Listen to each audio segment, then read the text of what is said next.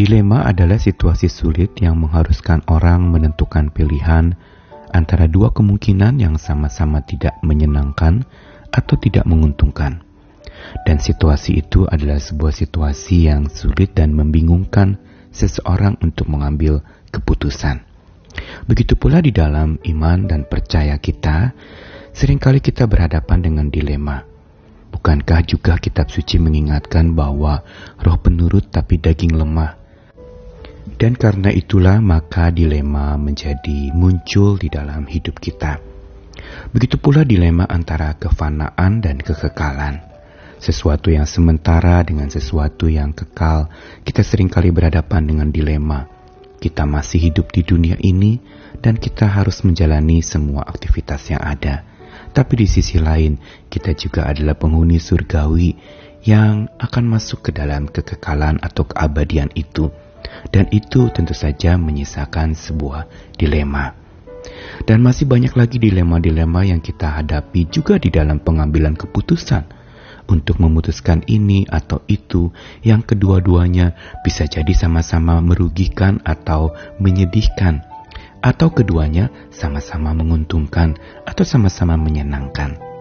Karena itu, kita perlu belajar satu hal untuk menerima dilema diri kita.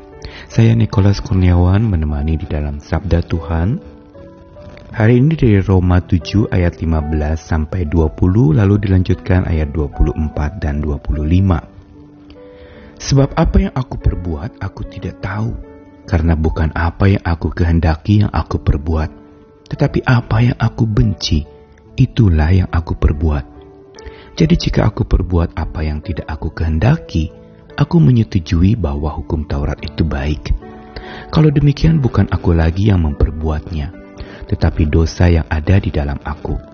Sebab aku tahu bahwa di dalam aku, yaitu di dalam aku sebagai manusia, tidak ada sesuatu yang baik. Sebab kehendak memang ada di dalam aku, tetapi bukan hal berbuat apa yang baik. Sebab bukan apa yang aku kehendaki, yaitu yang baik yang aku perbuat, melainkan apa yang tidak aku kehendaki, yaitu yang jahat yang aku perbuat. Jadi, jika aku berbuat apa yang tidak aku kehendaki, maka bukan lagi aku yang memperbuatnya, tetapi dosa yang diam di dalam aku. Lalu ayat 24 sampai 25. Aku manusia celaka, siapakah yang akan melepaskan aku dari tubuh maut ini? Syukur kepada Allah oleh Yesus Kristus Tuhan kita. Rasul Paulus di dalam suratnya kepada jemaat di Roma memaparkan dengan gamblang tentang kondisi dilematik yang dia hadapi di dalam dirinya sendiri.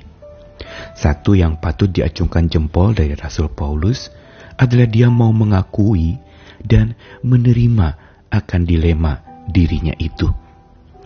Dia menyadari bahwa apa yang ada dalam dirinya itu menjadi semacam kontradiksi.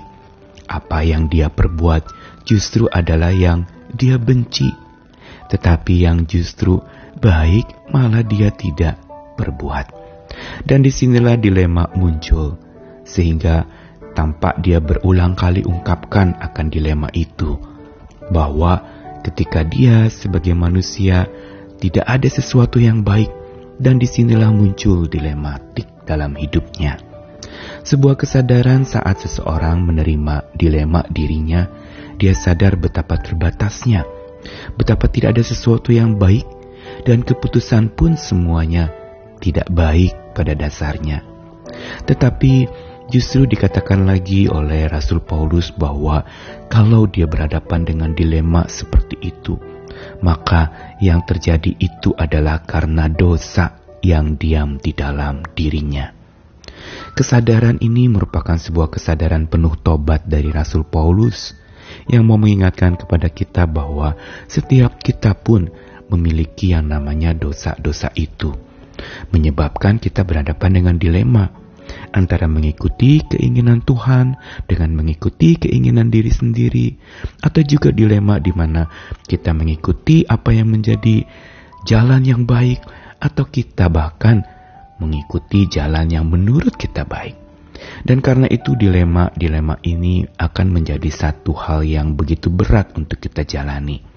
Tetapi belajar dari Rasul Paulus hari ini, dia menerima dilema dirinya dan ditutup dengan satu keyakinan ketika dia berpasrah kepada Tuhan, mengakui akan betapa celaka dirinya yang penuh dengan dilema, maka dia bertanya kepada Tuhan siapa yang dapat melepaskan dia dari dilematik yang dihadapi, melepaskan dia dari tubuh maut yang penuh dengan kejahatan itu. Dan dia temukan jawabannya, yaitu syukur kepada Allah oleh Tuhan Yesus Kristuslah dia bisa menghadapi dilema-dilema dalam hidupnya. Karena ketika seseorang terarah dan fokus kepada Tuhan, sesungguhnya tidak akan ada dilema lagi.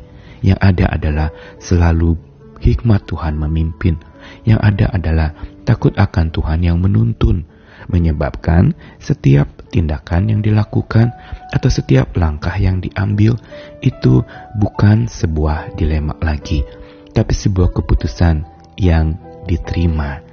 Karena itu belajar dari sabda Tuhan hari ini kita mau menerima dilema diri kita bersama dengan Tuhan.